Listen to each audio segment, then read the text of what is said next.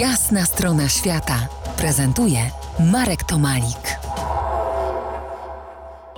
Opowiadam dziś, a raczej próbuję rozsupłać historię Krystyny Pawłowskiej, która w Australii znana jest jako One Shot Chris. Kobieta, która w polowaniach na krokodyle radziła sobie lepiej niż większość mężczyzn, która wraz z mężem założyła w Australii pierwszą farmę krokodyli i która jako pierwsza zaczęła walkę o ich ochronę, która to walka doprowadziła do ich całkowitej i bezwarunkowej ochrony.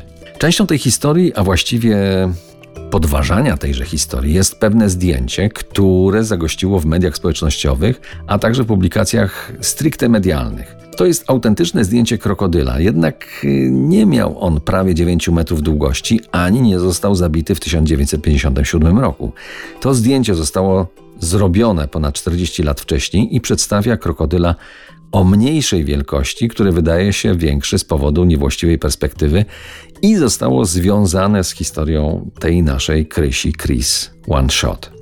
Ponieważ oryginalne kopie i zapisy już dawno zaginęły z powodu powodzi, wokół prawdy o Krysie, królu Savana i największym krokodylu, jaki kiedykolwiek schwytano, zawsze pozostanie atmosfera tajemniczości.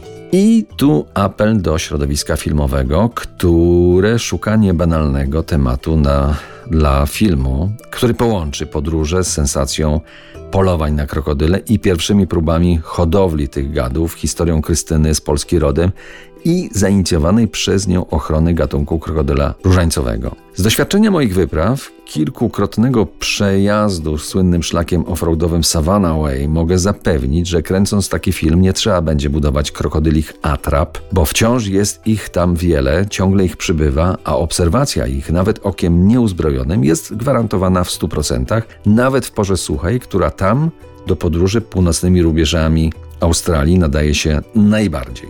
Jest taki film, chyba słuchacze RMF Classic pamiętają Krokodyla Dundee z hollywoodzkiego hitu.